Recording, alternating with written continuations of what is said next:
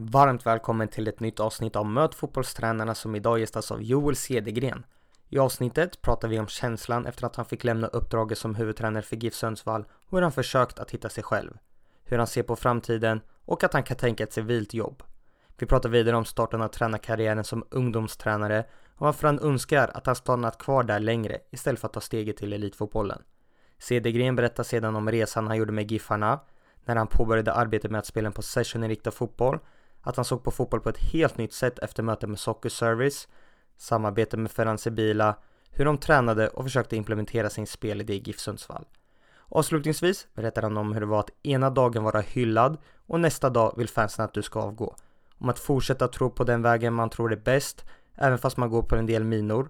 Hans analys efter att han fick lämna Sundsvall och mycket annat.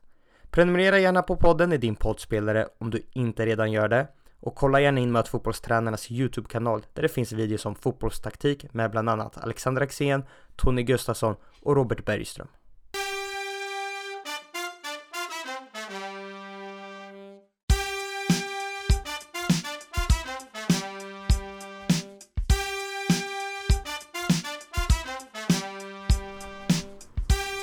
Ålder? 45. Familj? Ja, jag har eh, två barn. Eh, som är 12 och 16. Två grabbar. Och sen har jag en flickvän, en ny flickvän. Som heter Lina. Bor? Sundsvall. Bästa spelaren du har tränat? Juanjo Circules. Eh, mittfältare här i Sundsvall. Som en mm, fantastisk fotbollsspelare. Favoritlag? Men GIF Sundsvall har ju varit det nu i många år. Och är fortfarande det. Sen tycker jag också om... Har gillat Barcelona mycket. Hur de har spelat. Mm, särskilt tidigare. Mm, tycker om Liverpool. Vi försökte skapa ett favoritlag jag och mina grabbar. och då resonerade vi oss fram till Liverpool. Eh, och så vann de ligan då. Vi har inte riktigt fastnat så det, vi är riktiga hardcore fan. Men vi, vi följer dem lite grann i alla fall. Jag gillar hur de spelar nu. Förebild? Förebild? Jaha, ja men absolut. Det finns massa duktiga människor mm, där ute. Zinedine Zidane var absolut en förebild när jag var spelare. Mm, tyckte mycket om hans spelade. Han var väldigt olik mig. Men, men jag tyckte om honom. Um, som tränare så... Ja men det är klart att, att Guardiola tycker jag gör ett fantastiskt jobb nu och, och tidigare också. Så att det måste jag säga är en, en förebild jag har. Naturgräs eller konstgräs? Skrota alla naturgräsplaner. Nej men jag är, eh, jag är för en bra, bra, riktigt fin naturgräsplan. Det är fantastiskt. Finns inte det, ursäkta, som det inte finns här uppe i Norrland så eh, är det mycket bättre med en bra konstgräsplan. Kostym eller träningsoverall på match? Ja, men jag hade träningsoverall när jag var ungdomstränare. Tyckte det kändes bra. Och sen eh, tog jag och Roger Fransén över, över laget. Och han var för att vi skulle vara lite snyggare klädda. Så att jag tyckte det kändes obekvämt i början men sen vande jag mig vid det och sen tyckte jag om det. Att, att klä upp mig till match. Att det var något, något festligt och något veckans höjdpunkt. Vad gör du på match då? Mm, jag är uppe i bra tid, men det är jag oavsett dag. Sen eh, vill jag alltid träna den dagen. För det tycker jag är skönt för, för sinnet. Jag lugnar mina tankar lite. Kommer i balans in, inför matchen. Favoritsyssla utanför fotbollen? Ja men umgås med de jag tycker om. Mina barn och uh, de som står mig nära.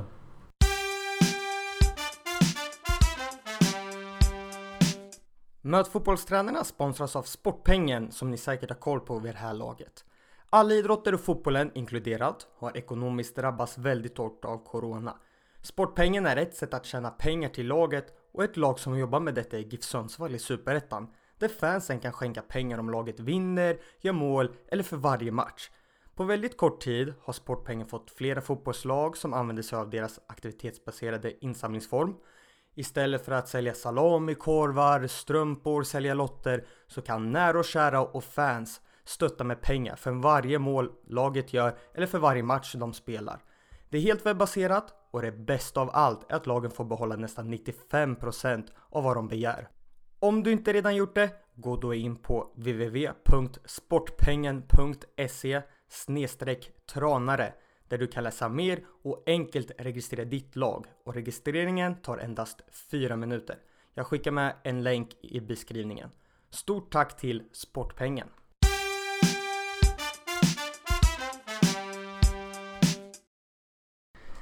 Varmt välkommen Joel Cedergren till Möt fotbollstränarna.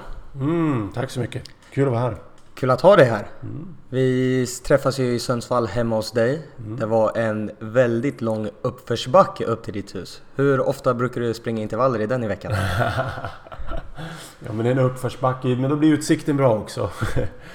Nej, jag, jag har nog sprungit intervaller i den här backen två gånger. Den är för brant för mig tror jag. Den, är, den borde heta Branta vägen. Men eh, det gör den inte. Brukar du träna mycket själv? Ja, men det, det gör jag. Jag tränar inte riktigt varje dag, men, men nästan. För lite mer än ett år sedan så fick du ju lämna Sundsvall. Mm. Vad har du gjort eh, under tiden nu som du inte haft något uppdrag? Alltså, det är tio månader sedan nu ungefär och första tiden var, var jobbig. Tycker jag. Jag fick gå från någonting som jag, som jag älskar att göra. Att, att gå och träffa mina lagkamrater och mina tränarkollegor. Försöka skapa något tillsammans och bygga någonting. Och som jag hade gjort och lagt mycket tid på under, under många år. Och så plötsligt var det slut. Ehm, så, så första tiden var, var en del sorg. Och sen började jag fundera på varför, varför det här var så tungt. Ehm, vad var det som var, skapade sån tomhet? Och en del av det en del av det svaret är att jag identifierar mig väldigt starkt med att vara tränare. Så att, så att jag blev en tränare och, och bekräftelsen jag fick och uppmärksamheten vart en viktig del av mitt välmående. Och när det försvann så vart det väldigt tomt och jag vart ledsen. Så att um, det har varit en, en lärdom längs, längs vägen under det här året. Att vem är jag utan att vara fotbollstränare? Och att jag är någonting som är mycket större än vad någonsin en roll som fotbollstränare är.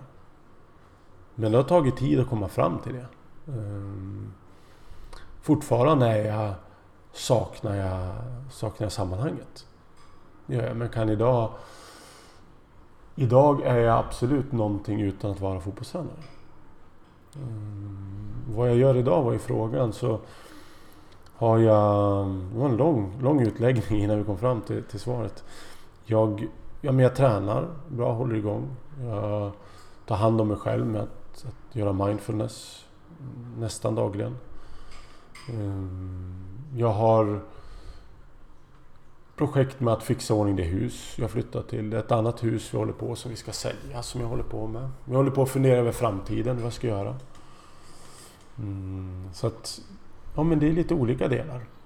Men jag har inte, det är inte så att jag har börjat jobba med ett jobb som jag är, är avlönad på än. Det har jag inte. Den här eh, resan som du pratade om att du gjorde från att du lämnade jobbet som fotbollstränare till att mm. hitta dig själv. Mm. Hur gjorde du för att göra det? Vad kan du liksom dela med dig av för råd och tips till andra som hamnar i liknande situation som du gjorde? Det är svårt att råda andra så därför allas situation är unik. Det som... Det som jag kommer fram till idag är att... Att inte vara... Att vara fotbollstränare är en sak. Och att vara en person och den jag är, är inte rollen av fotbollstränare. Så så skulle jag ge tips till någon så är att kunna särskilja det. Eh, och inte vara för beroende av den rollen. För sitt välmående. Det, det är nog inte enkelt. Jag, hamn, jag lyckades inte med det. Men tycker jag fått en insikt idag som, som är bra, som jag har nytta av vidare i livet.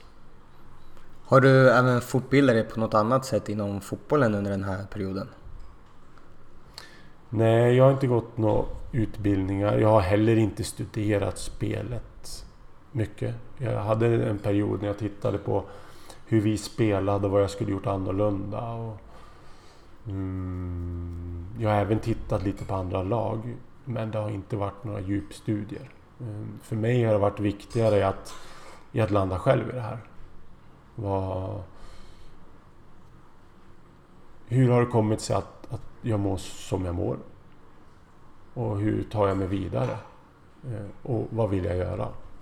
Det har varit det viktigaste. Så, så spelet har, har funnits där i perioder och jag är fortfarande intresserad av det. Jag ser matcher idag. Kan se allsvenska matcher och en superettamatch. Inte i stora mängder, men då och då. Är det något särskilt du har fastnat för i årets upplaga av Allsvenskan eller Superettan?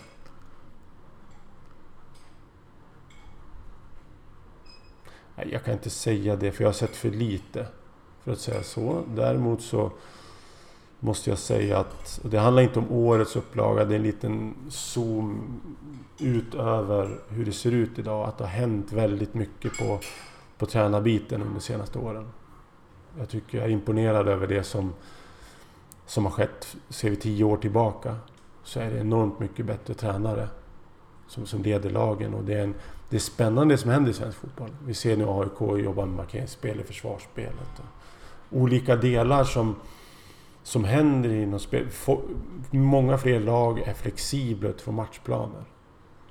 Så att det är, eh, det är svårare att vara tränare idag.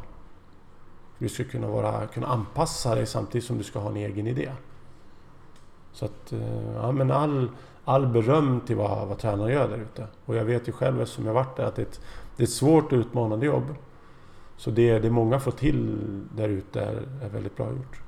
Har det för din del funnits eh, något konkret intresse eller har du varit nära någon ny klubb? Ja, men det har varit konkret intresse lite grann.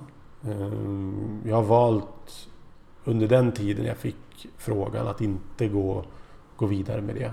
För jag tycker inte att jag var redo för det.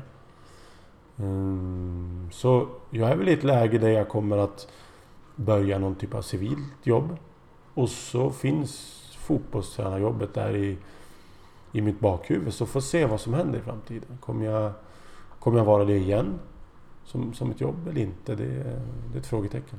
Men du känner dig redo och sugen om det skulle dyka upp rätt jobb? Jag är, tycker att det var fantastiskt att jobba i en grupp och jobba med människor som vill någonting och skapa något tillsammans. Och jag saknar den delen. Så, så det vill jag gärna ha igen. Och får jag det via ett civilt jobb så kan det räcka. Lyckas jag inte få det sammanhanget så, så kan säkert lockelsen att att ta sig tillbaka bli ännu större. I Sundsvall började du din tränarkarriär i ungdomsleden. Hur ser du tillbaka på de åren och att vara ungdomstränare? Det är faktiskt kul att titta tillbaka sådär tio år tillbaka i tiden, för det är det det är. Så kom jag, var jag spelare och så gick jag rakt in som U19-tränare. Och det har hänt väldigt mycket på tio år. Jag har utvecklats jättemycket. Och det tänker jag inte så mycket på i vardagen. Ja, inte nu, men, men även när jag var tränare. För allting sker dag för dag och du har mycket jobb och du jobbar på. Men det är faktiskt roligt att ha det perspektivet. Jag tror alla tränare ibland ska titta tillbaka. Hur var det när jag började och hur är det nu? Så har det hänt väldigt mycket. Ehm, jag har alltid drivits av en väldigt stor nyfikenhet och vilja lära mig. För att jag är nyfiken hur det går till och hur kan man se på saker? Kan man ha olika perspektiv på, på spelet och på ledarskapet? Så jag började väldigt grön, kunde ingenting och egentligen självlärd genom nyfikenhet och fråga och titta på andra tränare. Så det var en väldigt bra tid. Skulle jag gjort om den så skulle jag inte efter tre år gått upp i A-lagsverksamhet. Som jag gjorde då. Jag skulle ha varit kvar i Tipselit i flera år till. För att provat mig fram och lärt mig mer saker. Eh, det var inget misstag att gå upp, men om jag hade gjort om resan så hade jag kvar där länge. För det, det finns så väldigt mycket lärande och det är en så lugn miljö att prova och testa saker. som är svårt för du har inte de marginalerna att komma upp på elitnivå. För du har hela tiden det kortsiktiga kravet på dig att vinna tillräckligt med matcher. Vad är det som du känner att du skulle vilja prova på mer på just ungdomsnivå? Är det alltifrån hur man tränar till håller en spelidé till hur jag är som ledare? Mm. Framförallt det här som jag kom på nu är hur, hur skapar jag en bra lärandemiljö ute på plan? Så att jag får till väldigt bra träningar. Det skulle jag vilja ägna ännu mer tid åt när jag var, när jag var ung. Ehm, eller i starten på karriären. Sen ehm, som ledare tror jag inte att det är så mycket att prova på. Jag är den jag är. Ehm, och det... Det är klart att jag har utvecklat mitt ledarskap över tid. Det har jag gjort. Av mogenhet. Men det ursprungar alltid från den jag är. Så mer mer träning och lärandemiljö än ledarskap. Hur skulle du säga att du har lärt dig allt det här med att vara ute på planen? Är det bara liksom gå ut och nöta varje träning och testa på saker? Mm.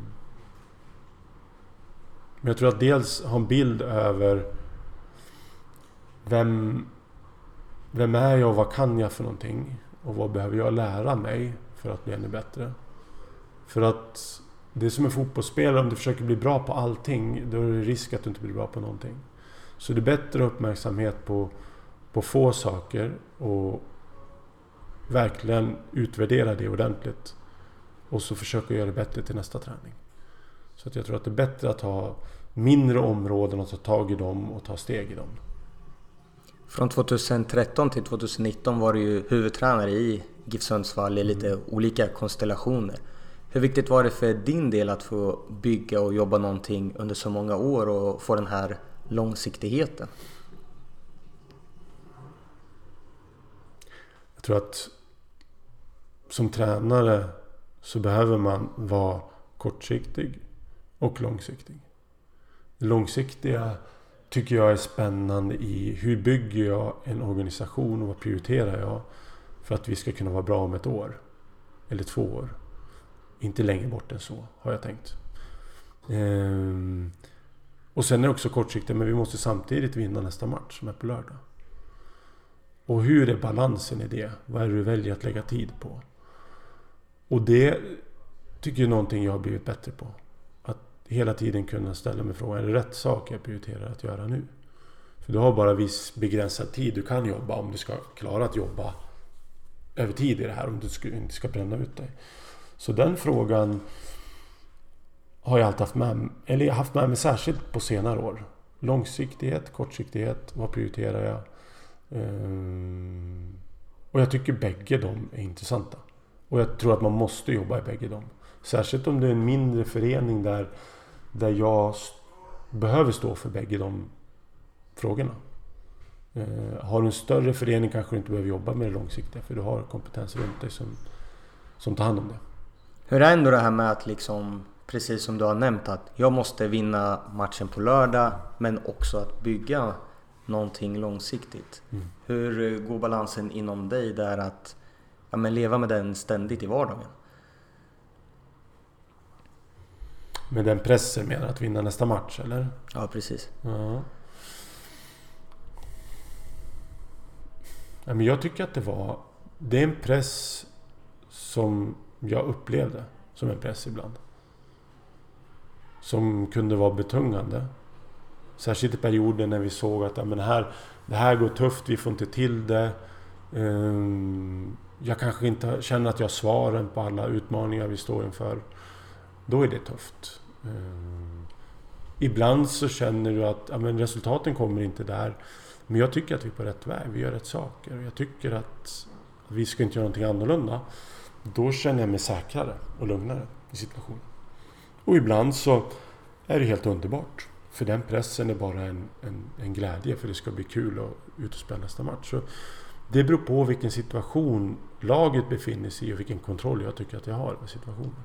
Så att, väldigt olika om det är en press eller en, en stimulans i att vinna nästa match. På slutet fick ni ju väldigt mycket beröm över GIF Sundsvalls sätt att spela fotboll på. När skulle du säga att du började den här processen med att spela den typen av fotboll som ni gjorde? Mm, jag och Franzén tog över, hoppas jag är rätt på året nu, 2015. Då, då var vi i Superettan och så går vi upp eh, med, med det laget. Och då i slutet Följande säsong ska vi spela Allsvenskan och vi åker på träningsläger i Barcelona. Jag är och träffar ett team i Barcelona som heter Sockerservice, som du känner till. Ehm, för jag var så nyfiken på hur, vad, vad, är det de gör för någonting.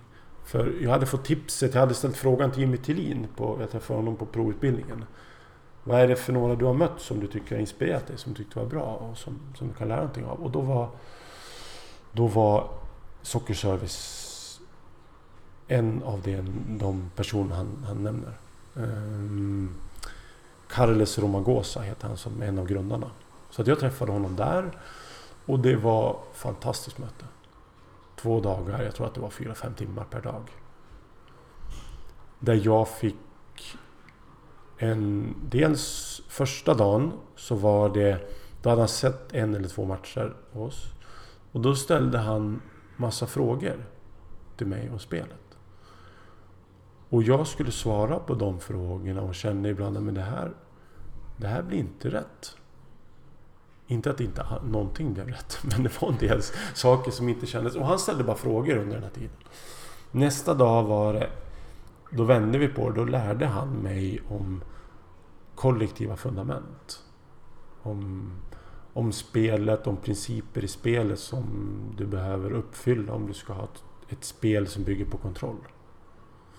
Ett spel som bygger på att, att flytta på bollen för att flytta på motståndaren. Och det jag fick lära mig där handlar inte om du ska ha fyrbackslinje eller om du ska ha en mittfältare eller tre forwards. Eller, utan det handlar om frågor egentligen. Hur vill du fylla planen? Eh, vilka positioner vill du ha? Vad är, vad är viktigt i dina positioner? Hur ser balansen ut när du går framåt? Eh, hur förhåller du dig till bredd? Hur förhåller du dig till djup? Eh, hur har du nivåer i djupled? Sådana typer av frågor. Och då gick jag hem på, på hotellrummet och tog fram taktiktavlan och började fundera. Om jag gör så här, då skapar jag övertal men då har jag inte till med folk i eh, nivåer i djupled. Nu har jag bredd, men ja, och så gick frågorna. Så att, så att egentligen var det där starten. Och jag tog upp det med, med Frasse att det här jag varit med om. Vad tänker du? Jag skulle vilja förändra det här. Och han var öppen. Och förstås frågande. För han ville ju liksom veta vad var det här och mer om det. Och vi provade oss fram där och började spela så. Och det här var ganska snart in på seriestart. Men eh, det var häftigt att, att prova det tillsammans med honom. Eh, så jag skulle säga att det var starten på, på det nya. Just ditt möte med Soccer Service och vad är Econometod för någonting? Det var ju tre personer som grundade det här företaget. Eh, och det, det är ett, ett, företag som hjälper på olika nivåer. De hjälper föreningar att bli bättre. De hjälper lag.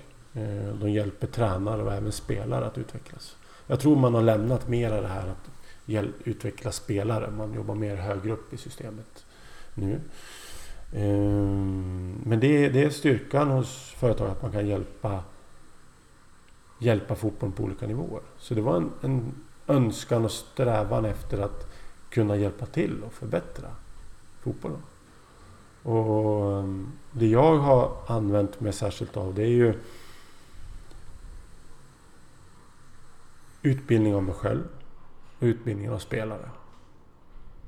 Så där, eh, det var ett försök till sammanfattning. Jag vet inte om Carlos Romagosa skulle skriva under på det här det här försöket till sammanfattning. Mm. Skulle du säga att ditt möte med honom blev någon slags ögonöppnare på att aha, man kan se fotbollen på, på det här sättet? Absolut. Tveklöst. Det har haft stor betydelse för det sättet jag ser på fotboll efter det. Och utvecklat mig i den, i den formen. Inför säsongen 2017 kom ju Ferran Sibila in som assisterande till dig. Mm. Hade ni träffats någonting innan eller hur? Han kom ju från Soccer Service. Mm. Hur, blev, hur kom det sig att det blev just Ferran? Det var så att när jag var i, ehm, i Barcelona på utbildning så träffade jag honom. Eh, och andra personer. Och han var en del av den utbildningsinsatsen man gjorde mot, mot mig. Um, och jag ville ha en person som var duktig att lära ut det jag redan kunde ut på plan. För jag tycker att jag inte inte var så bra i att konstruera, just överföra min kunskap om fotboll till lärandet på plan. Så det sökte jag. Men också en assisterande i allt det innebär. I att kunna hjälpa till att utveckla idéerna förstås. Eh, men också ledarskapet. Och då hade jag ett möte med, med Miguel. Jag pratade om det här. Vi pratade om olika alternativ. Och, och så hade jag ett möte med Ferran som, som kändes bra. Och så gick vi vidare i de, de samtalen. Och så valde han att... Och det var egentligen ett naturligt steg för mig att jag har lärt mig så mycket från dem. Jag vill fortsätta att samarbeta med dem och kvaliteten hos dem är, är väldigt hög. Um, så, så därför gick, gick jag och, och GIF Sundsvall vidare och, och ta in honom. Hur fungerade ert samarbete under den här perioden som ni jobbade tillsammans? Nej men väldigt bra. För han är en, en ung man. Men han har fått umgås dagligen med Carles Romagosa och hans kollegor Johan Via som har kunskap i världsklass skulle jag tro. Jag vet inte riktigt vad världsklass är. Men, men otroligt hög kunskap på fotboll. Så det är klart att han har fått en enorm miljö att vara i. Så hans kunskap vid den åldern han är i är ju hög. Väldigt hög. Men också en person som är en fantastiskt fin människa. Som, som jag tycker mycket om. Som är, mm, bryr sig väldigt mycket om människor och kan höja människor, inte bara på det taktiska planet utan även som personer. Så att, mm, det var ett, ett samarbete som gav mig mycket och föreningen mycket och de spelarna vi hade då mycket.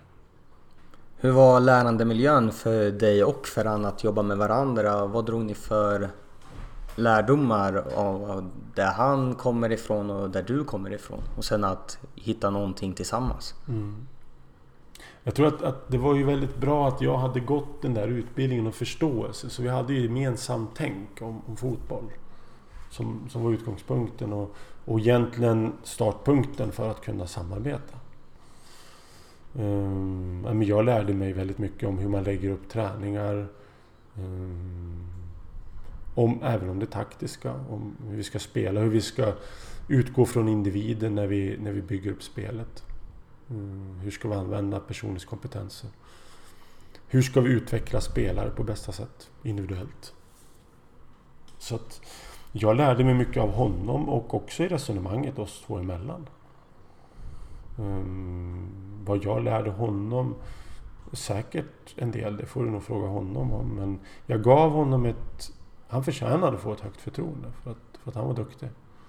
Och han fick det. Så, att, så att jag tror att han växte mycket av det i alla fall i den miljön. Av att han, han fick använda de resurser han har.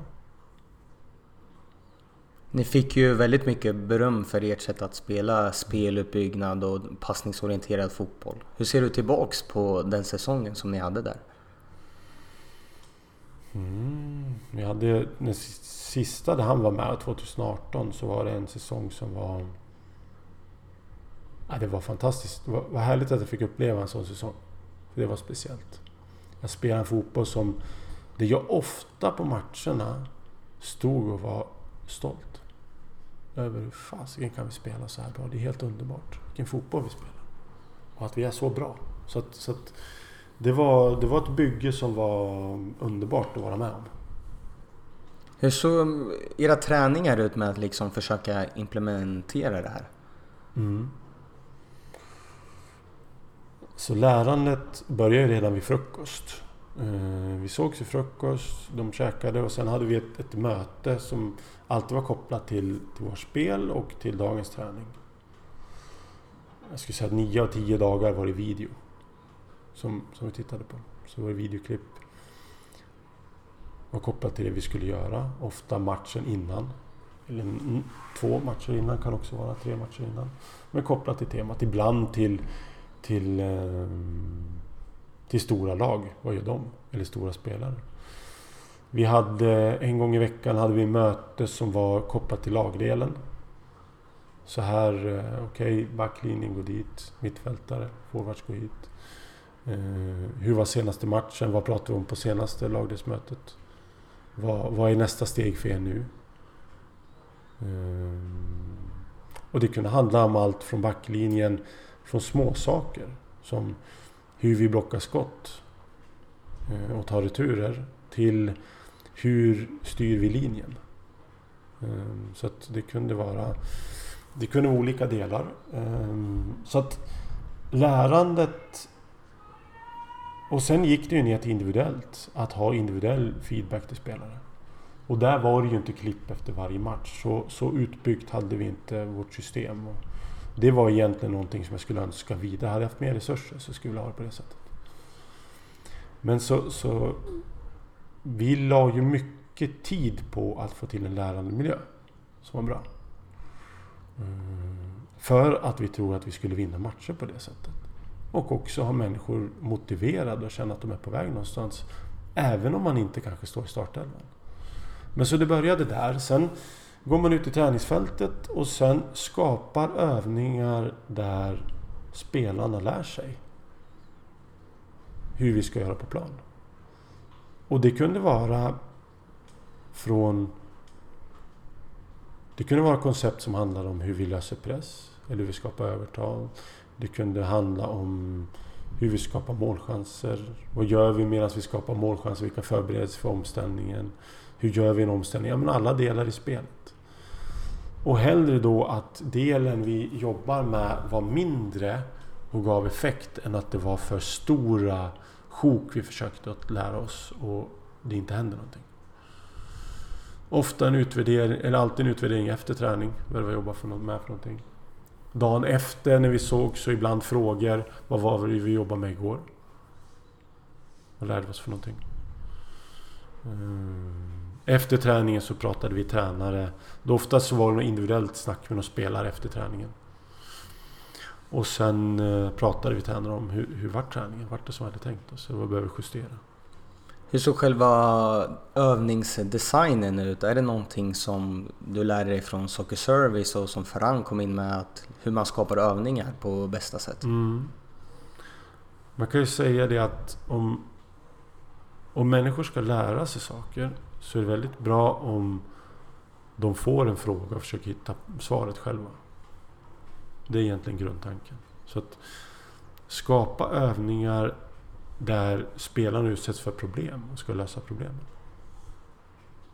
Och, och, det är en enkel förklaring på någonting som innehåller massa saker. Men, men det är egentligen grundkärnan. Jag ska läsa vad Linus sa i en intervju i Expressen. Den stora skillnaden är hur vi jobbar med våra positioner, var man ska spela bollen efter våra prioriteringar. Så har det inte varit någon annanstans. Vad tror du han menar med det? Han menar ju det som var viktigt för oss. Det är vilka positioner vi har. Mm. Hur vi förhåller oss till varandra. Vart vi vill spela bollen. Mm. Och varför vi spelar dit vi spelar. Så att, eh, det, det, förstår jag att han sa så. För det är en väldigt viktig del hur vi byggde spelet. I själva träningen, är det mycket 11 mot 11 för att man ska vara i sin position eller? Det beror helt på vad det är man vill få fram. Vad är syftet med träningen? Mm, 11 mot 11 är ju liksom... Det är så nära match man kan komma. Men kan vara svår att öva detaljer i.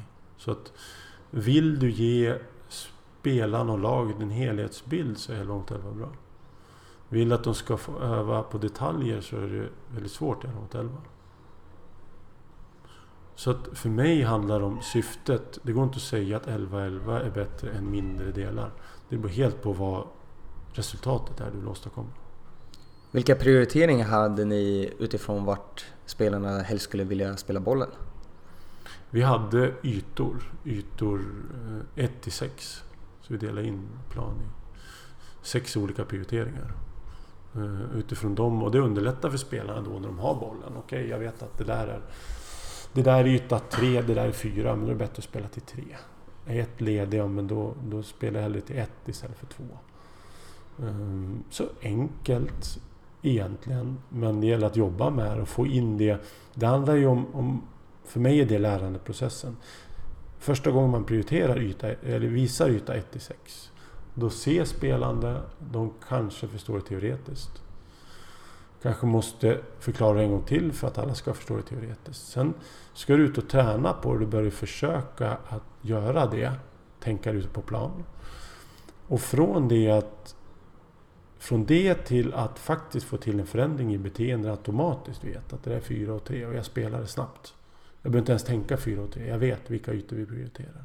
Så du har det i din kropp. Det är först då som du har förändrat ett beteende. Ehm, så att... Så skulle jag väl vilja beskriva de där ytan men också lärandet dit. Så därför så kan en idé, om den är för stor och innehåller för mycket, då kanske du inte lyckas förändra människors beteende på det sätt du vill förändra.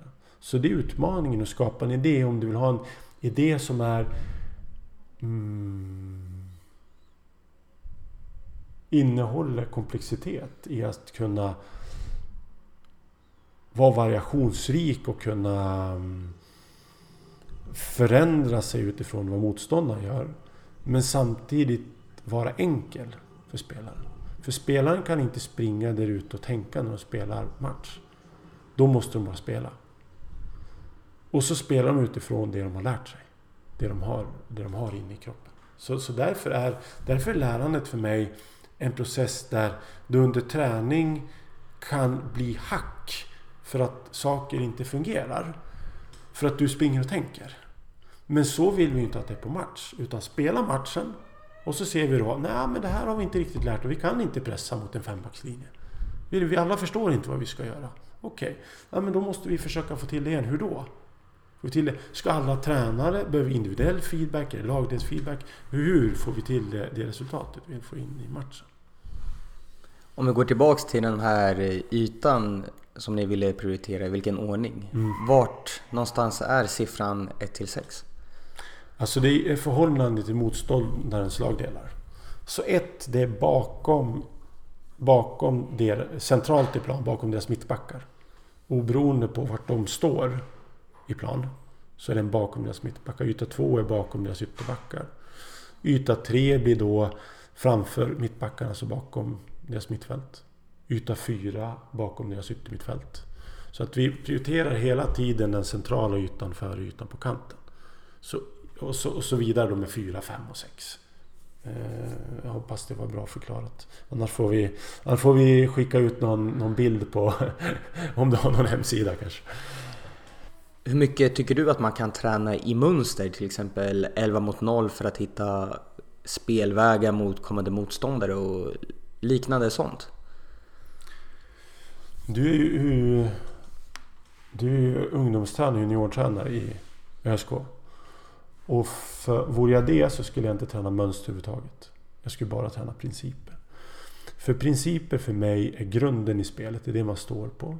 Som handlar om eh, till exempel, är bollhållaren pressad eller opressad? Vilken position ska jag ha i förhållande till min medspelare? Vart vill vi spela bollen? Hur skapar vi övertag? Alla de principerna är grunden i spelet. Sen för att få ett spets i spelet till att kunna skapa målchanser så kan det vara bra med mönster. Eh, jag tror inte på ett spel som bygger på att ha mönster. För det blir... Det blir för statiskt. Det blir inte tillräckligt dynamiskt. I min värld att se fotboll. Men jag tycker att det är ett väldigt bra komplement. Om du till exempel har hur använder vi Bataneros fot och Linus sätt att löpa djupled? Till exempel. Kan vi skapa ett mönster kring det? Ehm, eller Erik Larsson när han får bollen ut på kanten. Hur kan vi skapa någonting med Linus? Ibland skapas, kan ett mönster nötas in av, en, av någonting som vi skapar. Men det kan vara ännu bättre om man ser att här finns det någonting som vi har i laget. Som vi kan vattna. Som vi kan göra ett mönster av, som redan är där. Det som jag nämnde tidigare. Så, så för mig är principerna det du står på, det som är grunden i träning och sen får man då, när den grunden är där, då kan man fundera på mönster. Börjar man för tidigt med mönster, då, det, då finns inte grundplattan att stå på tillräckligt stark. Finns det några principer som du tycker är extra viktiga som du vill dela med dig av? Ja, men positioner. Hur positionerar du dina spelare? Uh, nu ska jag säga det att det jag pratar om det är ju det spelet som vi ville spela. Ett spel som byggde på kontroll. Uh, som byggde på ett, att vi möter ett positionsinriktat försvar. Uh, utifrån det så tycker jag att positioner är väldigt viktiga. hur, vad bollhållaren gör tycker jag är väldigt väsentligt. vilka ytor du prioriterar. Hur du vill spela bollen. Eh, strategier för hur du vill spela bollen. Inte bara var. Utan hur du spelar, hur du kommer till de, hur kommer du till de ytorna du vill in i. Mm, balansen. Jag skulle säga balansen ännu tidigare om jag skulle sätta en prioritering. Balansen är oerhört viktig när du, när du bygger spelet. Mm, och sen är det då att, att skapa målchanser. Hur skapar du målchanser? Och det tror jag är, är någonting som jag lärt mig längs vägen. Det jag hade tankar, men så här skapar vi målchanser. Så här tycker jag att man ska skapa målchanser. Men ännu mera rikta in sig på vad har jag för kvaliteter i laget. Okej, okay, Kiese Thelin i Malmö, hur använder man honom? Eller använder Goitom med AIK? Eller vad det nu finns för spelare. Så att inte vara för... Mm, och gärna i, med varandra. Hur, hur använder du spelare A med spelare B tillsammans. Och att låta spelet skapas utifrån det och vara öppen. Vara mer öppen och det vart jag mer och mer. Okej, ett system behöver du ha. Men hur skapas systemet? Ja, men titta på det du har framför dig. Och skapa systemet. Jag tror att vissa grundprinciper skulle jag aldrig ändra på. Liksom, för de, de är för starka. De tror jag för mycket på. Men när det gäller just att skapa målchanser. Så, så där kan man vara väldigt flexibel tror jag. Hur ville ni skapa målchanser i GIF Sundsvall? Men just som jag sa, vad har vi för spelare och använder vi deras kvaliteter? Det var en viktig del. Mm, men sen var det utifrån våra prioriteringar, när vi kom in i de här ytorna vi vill in i.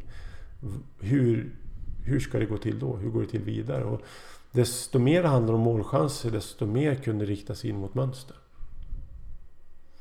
Så att eh, det var på olika sätt och vissa, vissa mönster som vi skapade tyckte inte jag att vi fick så mycket effekt av och de självdog lite grann för att eh, varför ska vi jobba med någonting som vi inte får effekt på? Vissa, vi får inte effekt nu men vi tror på om vi jobbar vidare med det. Eller något mönster som eller något som inte var ett mönster men som blev ett mönster för att det fanns där ute. och säga men låt oss använda oss mer av det här. Under din tid i GIF Sundsvall har du varit både med och motgångar och du har varit både hyllad och varit väldigt kritiserad av fansen. Hur har du hanterat den här berg och dalbanan med kritik och hyllningar? Men det var, det var stundtals var det, var det tufft tyckte jag. Att få, få en kritik när du vi gjorde absolut vårt bästa. Vi jobbade så hårt vi kunde och vi försökte hitta lösningar på problemen. Vi var seriösa i det. Och ibland så, så var det motståndare som var bättre än oss. Ehm, så ibland så tyckte jag att det var oförtjänt kritik. Ibland så var det säkert kritik som var förtjänad också. Och jag tror att jag tog det för personligt. Lite som jag var inne på inledningen på, på podden. Att jag tog det för, för mycket personligt. Eh, att det var jag som fick kritik och inte bara rollen som tränare. Mm, som jag har lärt mig nu. Jag skulle hantera det annorlunda idag tror jag. Än, än jag gjorde då. Vi har blivit hyllade och mm, jag tyckte jag tog det mm, bra. Jag tyckte om de hyllningarna för min egen del och lika mycket om inte ännu mer för, för spelarna. Så jag såg hur, hur de växte av att vara en miljö där människor tyckte att du gjorde någonting bra. De blev stolta över det. Tränarkollegorna blev stolta. Så att eh, de här... Mm, ja men det har, varit, det har varit en speciell tid. Det har varit tio år som, som tränare och jag är... Skulle jag gjort om det så såklart jag skulle gjort en del saker annorlunda. Men jag är väldigt glad att ha haft den här tiden. För det har varit, varit väldigt häftigt. När man går på en del minor och har ett antal förluster i ryggen. Hur viktigt är det att man just fortsätter tro på det man gör och inte går liksom back to basics? Mm. Jag tror att om du har en idé som är grundad som du känner dig väldigt säker på att det är rätt väg. Då blir frågetecknen mindre och det blir tydligare i att gå den väg du har bestämt dig för. Och det, det tyckte jag att vi hade. Vi vek inte av från den vägen. Vi trodde på den, den idén. Att det är så här vi ska spela för att kunna vinna matcher. Eh, och kanske den säsongen jag fick gå så kanske jag kunde gjort förändringar tidigare för att kunna lyckas vinna matcher. Det är möjligt att jag var för inne, det är en del av min, min utvärdering, för mycket inne i den idén som vi hade framgång med tidigare. Men, eh, men jag är faktiskt inte säker ens idag om det hade hjälpt oss om jag hade ändrat riktning. För det är också så, när du ändrar riktning och inte lyckas, då är du död. Så du måste verkligen tro på att en förändring skapar ett annat resultat. Annars ska du fortsätta med det, det du gör. Och det tycker jag har, vi har gjort bra i Giffan. Att vi har hela tiden trott på den idén fullt ut och kört den. Också, det var anledningen varför från 2017 hade vi ett tufft år till 2018 fick ett, ett år där vi hade framgång. Nu när du ska summera din tid i Sundsvall. Mm. Hur stolt är du över det du har gjort för klubben både som spelare och tränare?